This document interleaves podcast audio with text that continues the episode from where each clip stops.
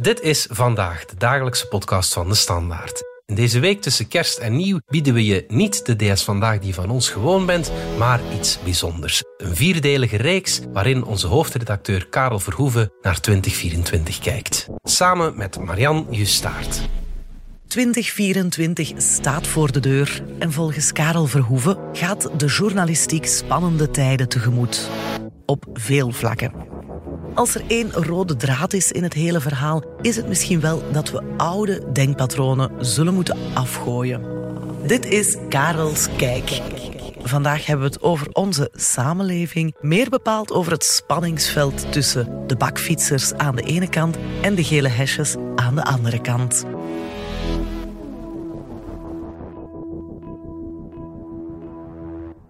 Dag Karel. Dag Marianne. Op de valreep van 2023 laaide een oude discussie weer op bij ons. Die tussen de groene hesjes en de gele hesjes. Armoede-expert Wim van Lanker zei in de Standaard dat het klimaatbeleid te veel gedomineerd wordt door de zogenaamde bionade-maffia. En vervolgens antwoordde schrijver en opiniemaker Tom Nagels met de boodschap: Stop nu toch eens met dat bakfietsbaschen. Ja, het kot was te klein, Ja. maar Karel, eigenlijk gaat die tweespalt al lang mee. Hè? Wel, ze kregen een, nieuwe, een nieuw jasje. Ja, Het ja. woord bionade-maffia heeft eh, voor behoorlijk wat reuring gezorgd. Het interview ging natuurlijk over hoe maak je de mm, klimaatmaatregelen sociaal. Hoe zorg je dat iedereen mee is? Hoe zorg je dat het draagvlak groot Ja. genoeg is? Eh, je had verkiezingen in Nederland. Je hebt de, de kop gehad, de hele discussie over eh, arm en rijk. En ehm, dan rijst nu toch ook politiek de vraag in Vlaanderen, zeker na de klimaatzaak en hoe de overheden daarop reageerden, zowel de Vlaamse federale overheid, die zeiden niet, we gaan toch Ja, dat klimaatbeleid niet versnellen, want zoals de premier zegt, er moet een klimaatpauze zijn, zoals minister Demir zegt, haalbaar en betaalbaar. We moeten iedereen mee hebben. En dus krijg je automatisch opnieuw die spanning in de maatschappij tussen enerzijds de klimaatbobo's, de havermelkdrinkers, de bakfietsrijders, Ja, de, de, Dansaar-Vlamingen, Voilà, de bobo's. de groene, breeddenkende elite. voilà, die hoogopgeleide stedelijke middenklasse. Mensen die eerder progressief van aard zijn, die het nieuwe omarmen, de nieuwe technologie, die hun huis, eh, dak bedekken met zonnepanelen, een elektrische auto of een bakfiets voor Ja. de deur. Dus ze heeft al heel veel namen gekregen. Aan de andere kant de gele hesjes, de mensen die het einde van de maand niet halen. Ze hebben nog weinig namen gekregen. Je voelt een tegenstelling die al lang in de maak is en waarop allerlei kenmerken worden geënt. De ene is eh, platteland, meer plattelandgericht en de andere meer stedelijk gericht. De ene is lager opgeleid, de andere is hoger opgeleid. De een heeft minder geld, de ander heeft meer geld. De ene is conservatiever en de andere is progressiever. En zo voel je dat allerlei oude breuklijnen van de maatschappij, die komen nu mooi samen in iets wat nu toch wel een heel Ja, interessant is. Wat geponeerd wordt als een tegenstelling. En jij zegt eh, van het is eigenlijk geen tegenstelling, het is een valse tegenstelling. Ja, daar ben ik diep van overtuigd dat het een valse tegenstelling is. Omdat ehm, eerst en vooral handig politiek wordt ingezet op allerlei verschillende manieren. Daar valt geen pijl op te trekken. En ten tweede, als je naar de belangen kijkt, dat de belangen perfect gelijk lopen. Om het in het Frans te zeggen, fin du monde versus fin du mois, c'est le même combat. Dus zo is het. Zo is het helemaal. Het is... ehm, het hele debat gaat over hoe geraak je er. Het gaat niet over waar je moet geraken. Daar zijn we het stil aan over eens. Wie betaalt het en hoe geraak je er? En daar is heel veel politiek meningsverschil over. De politiek die klimaatbeleid wil doen, moet over hele hoge hordes. Als overheid kun je maar een aantal dingen doen. Ofwel geef je subsidies, wat de Vlaamse overheid graag doet en veel doet. En wat die middenklasse kiezer zeer apprecieert. En dankzij subsidies kan die, kon die zonnepanelen leggen, kan die zich een elektrische auto aanschaffen, kan die misschien renovaties doen. Ofwel stuur je gedrag bij via eh, belastingen. De vervuiler betaalt, dat principe. Ofwel leg je normen en regels op, wat de overheid ook doet. Maar vaak komt dat uit Europa, gaat het over de industrie en dat is makkelijk. Politici verwijzen dan graag dat ze geen andere keuze hebben. Moeilijker al is dat wanneer dat over eh, huizen gaat bijvoorbeeld. De renovatieplicht ligt al veel gevoeliger. Ofwel, en dat is het laatste, moet de overheid zelf grote investeringsprogramma's doen. En moet ze zelf aan zet komen en initiatief nemen. En we zitten heel erg bij dat eerste, poging tot stimuleren, maar dat kost veel geld. En gaat vooral naar die klasse die al heeft. En die normen en regels, daar kom je vaak op gevaarlijk terrein. Vooral dingen verbieden voor de individuele burger, want het is toch die individuele burger die een groot verschil zal maken voor uitstoot. Het is wonen, het is eten en het is transport. Vervoer. Ja, ja, ja, absoluut. Auto, voeding, dat zijn zo typische dingen die raken aan identiteit. Hè? Dat is iets uh, heel emotioneel. Ik voel dat bij mezelf ook. Ja, het komt, klimaatbeleid komt toch op vlak van levensstijl, opleiding, um, voorkeur, identiteit. Dus je, je, bent heel snel op het terrein waar de passies hoog oplaaien. Ja. En dan krijg je het beeld van een, een linkse lobby, mm goed mensje uit de stad, hoogopgeleide, die zich moeien met het persoonlijk leven van mensen. En die dat doen vanuit een superioriteitsgevoel. Ja. Dat is toch hoe dat graag wordt geportretteerd. Ik vind het interessant hoe die tegenstelling zo wordt gecreëerd. Maar dat is natuurlijk een politieke constructie. Want je ziet hoe verschillende partijen daarin cherrypicking doen om zelf hun eigen tegenstelling te creëren. En dan zie je hier dat die zogezegde stedelijke, progressieve burger, die is altijd de kop van Jut. Het doet ongelooflijk denken aan een andere cultuuroorlog. Hè. Je had het hier even over de woke-cultuuroorlog kunnen hebben bijna. Ja, het, zal niet, het duurt niet lang voor, voor die mensen woke zullen genoemd worden. En voor woke zal binnentreden in dat, uh, in dat hele klimaatdebat. Hè. Karel, eerlijk, zijn wij niet zelf ook een beetje bionademafia? Misschien zelfs geen klein beetje. En ik heb het nu niet over mijn voorkeur voor natuur, maar als de standaard. Uh... Het is het verwijt dat we vaker krijgen. En je voelde dat verwijt voor het eerst. En dat geeft meteen mijn antwoord aan. Je voelde dat verwijt voor het eerst, denk ik, echt toen we Curieuze Neuzen deden. Een van de aspecten daarin was uh, die hele operatie, want het was een wetenschappelijke ja. operatie, om samen met de Universiteit Antwerpen overal in Vlaanderen te gaan meten hoe het gesteld is met de luchtkwaliteit. En toen kreeg je ook heel hard het verwijt. Zie je hier een activistische krant die eigenlijk een politieke rol speelt door een politiek thema op de kaart te zetten. Ons antwoord was heel eenvoudig. Wij doen aan waarheidsvinding. Dat is nog niet onderzocht. Wij als groot medium slagen erin om dat op grote schaal te doen. En we willen hier feiten op tafel leggen. En er is niks links of rechts aan luchtkwaliteit, aan kinderen die astma hebben, aan uh, schade aan voor gezondheid. Daar is niets links of rechts aan. En dat is ook zo gebleken. Luchtkwaliteit is door alle partijen opgepikt, in gemeenten, in uh, hogere overheden. Ja. En is een belangrijk thema geworden. Ja. Daaraan zie je dat je wel soms voorop kunt lopen en het verwijt kunt krijgen dat je de groene ayatollahs, de, de groene ayatollahs bent. omdat je een aantal thema's op tafel legt. Net zoals dat gebeurt wanneer je sociale ongelijkheid op tafel gooit of wanneer je racisme op tafel gooit. Dus telkens kun je verwijten krijgen. Um, maar het hoort bij je rol van het uh, naar boven halen van dingen en het ook wel focus hebben. Klimaat is cruciaal. Zeven jaar geleden was dat nog gecontesteerd. Nu is er niemand, politiek in Vlaanderen, geen enkele partij, mm. geen enkele fractie, die nog ontkent dat klimaatverandering een belangrijk probleem is en dat moet aangepakt worden. Het grote politieke meningsverschil zit erin. Hoe doe je dat dan? Wie en wie betaalt het en wie wint en verliest? Als het over klimaat gaat, dreigen we, of dreigen de media natuurlijk ook snel prekerig te worden. Hè? Het is ook wel ja. zo'n verwijt dat wij geregeld krijgen. Ja, hè? Zeker. De moraalridders. Ja, je dreigt er in dezelfde val te trappen als waar politici in, uh, in trappen. Dat is dat je het over levensstijl gaat hebben en dat je te veel uh, wil voorschrijven. En dat je te veel het goede leven wil definiëren. Ja. En dat je dreigt om mensen van alles te verbieden en dat je het vingertje gaat uh, daarbij hanteren vanuit het idee, dit is beter en dit is dus minder goed. Um, en dat is een belangrijke horde om te nemen. Het is helemaal niet zo moeilijk om ze te nemen. Kijk naar hoe we met alcohol omgaan. We zijn, als je in de loop van de jaren bekijkt, met z'n allen, de laatste twee, drie jaar nog maar als maatschappij, veel gevoeliger worden voor alcohol. Als je smiddags in Brussel gaat lunchen, hier, dan zie je veel minder glazen alcohol op, uh, op mm -hmm. tafel staan. Er zijn veel meer mensen die s'avonds zeggen, hier op de receptie, ondanks ons kerstfeestje, die geen alcohol meer drinken. Niemand kijkt ze met de nek aan. Ook ja. al zijn er veel interviews van alcoholdrinkers die zeggen, ha, nu ik geen alcohol meer drink, nu pas besef ik hoe goed het leven is. Waarmee ze aangeven, die alcoholdrinkers zijn toch verslaafde mm -hmm. sukkels -hmm. die nog niet het licht gezien hebben. Je ziet daar wel een beetje, dus wel een beetje hetzelfde in. Van voorlopers die aangeven hoeveel beter het Ja. leven is als je voorloopt.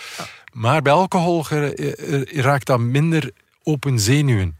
Omdat je nog geen overheid hebt die eraan denkt om alcohol te verbieden. Zodra je een algemeen beleid zou krijgen tegen alcohol, dan ga je heel andere politieke spanning vinden. En dat is waar we nu zitten met vlees. Het is een feit dat we minder vlees zullen moeten gaan eten als we onze voetdruk willen verkleinen. En voeding is een heel belangrijk onderdeel van onze klimaatlast die we veroorzaken. De grote vraag is, hoe doe je dat?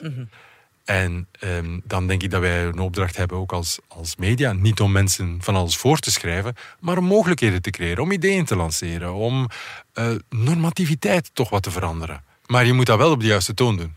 Of je wordt een preker voor Ja, de ja. kerk en daar is een gevoelige zenuw in de, in de maatschappij. Ook al omdat dat, eh, dat vooroplopen krijgt een moreel toontje. Ehm, het is een, ehm, het betere leven. Het de men- duurdere leven. het duurdere leven, voilà. Ja. Van mensen die mee zijn, waardoor je dynamiek zou kunnen krijgen van opnieuw minachting.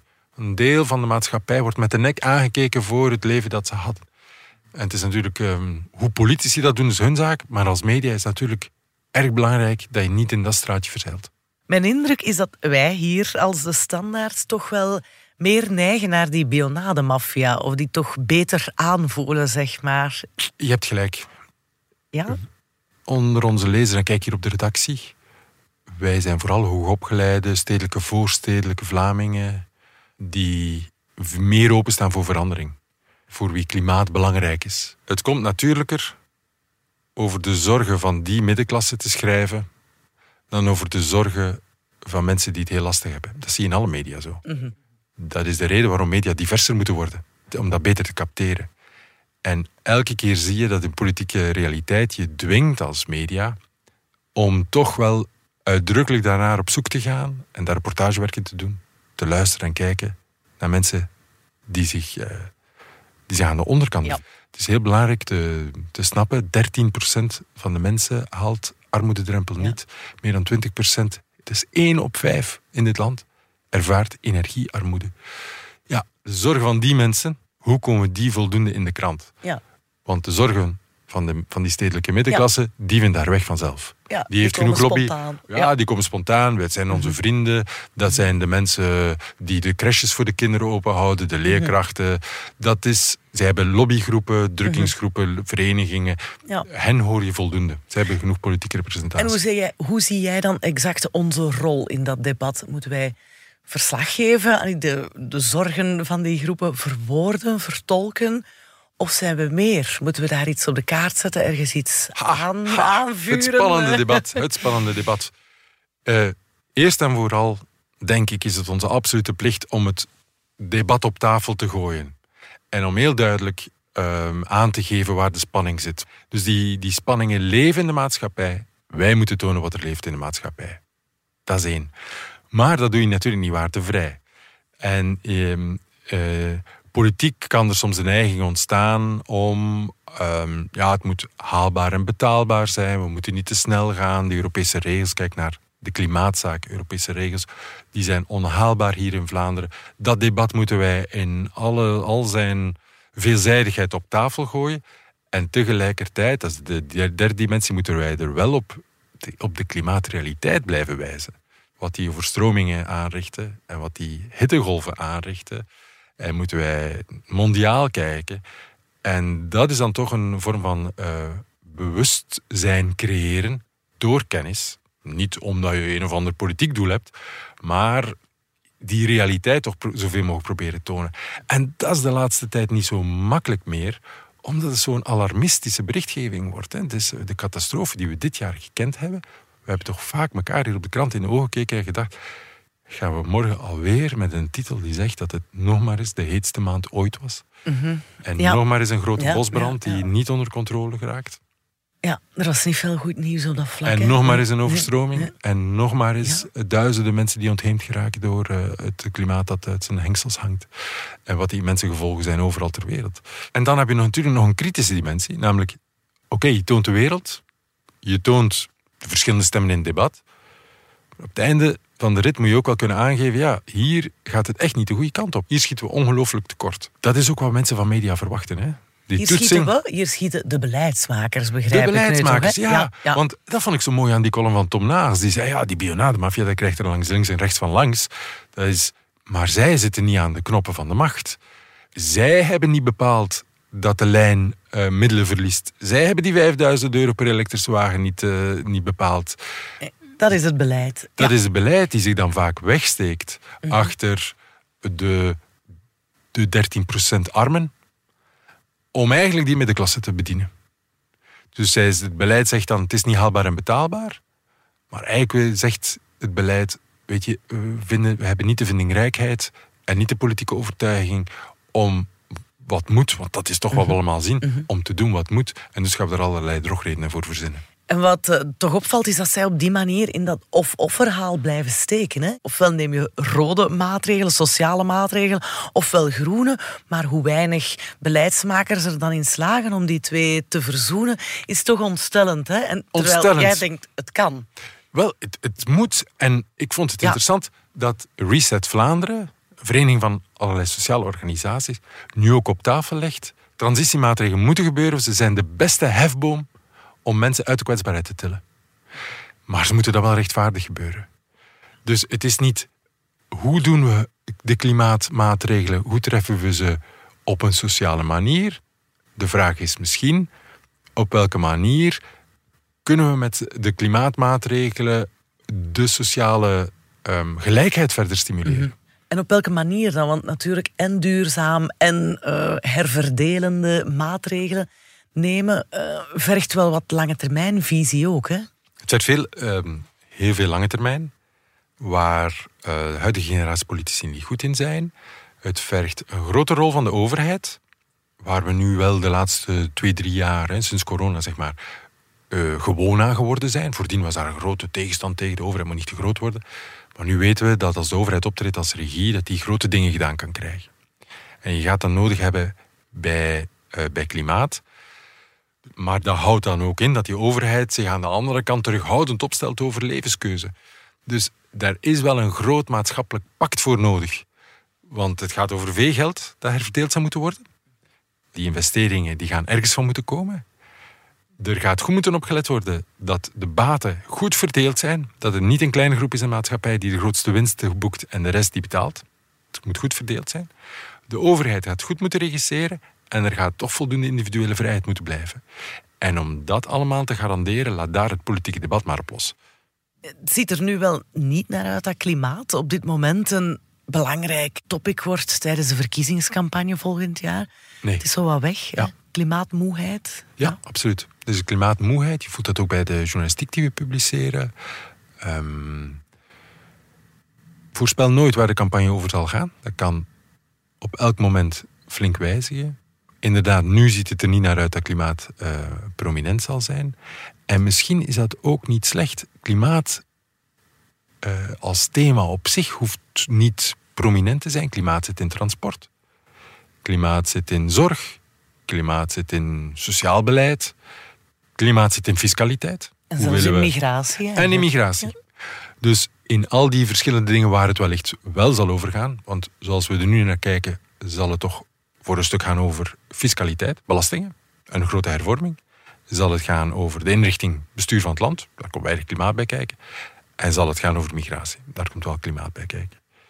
Klimaat is een belangrijke dimensie in elk van die discussies. En eh, op die manier kan het wel een, eh, een, een grote impact hebben, toch op de campagne en op het kiesgedrag.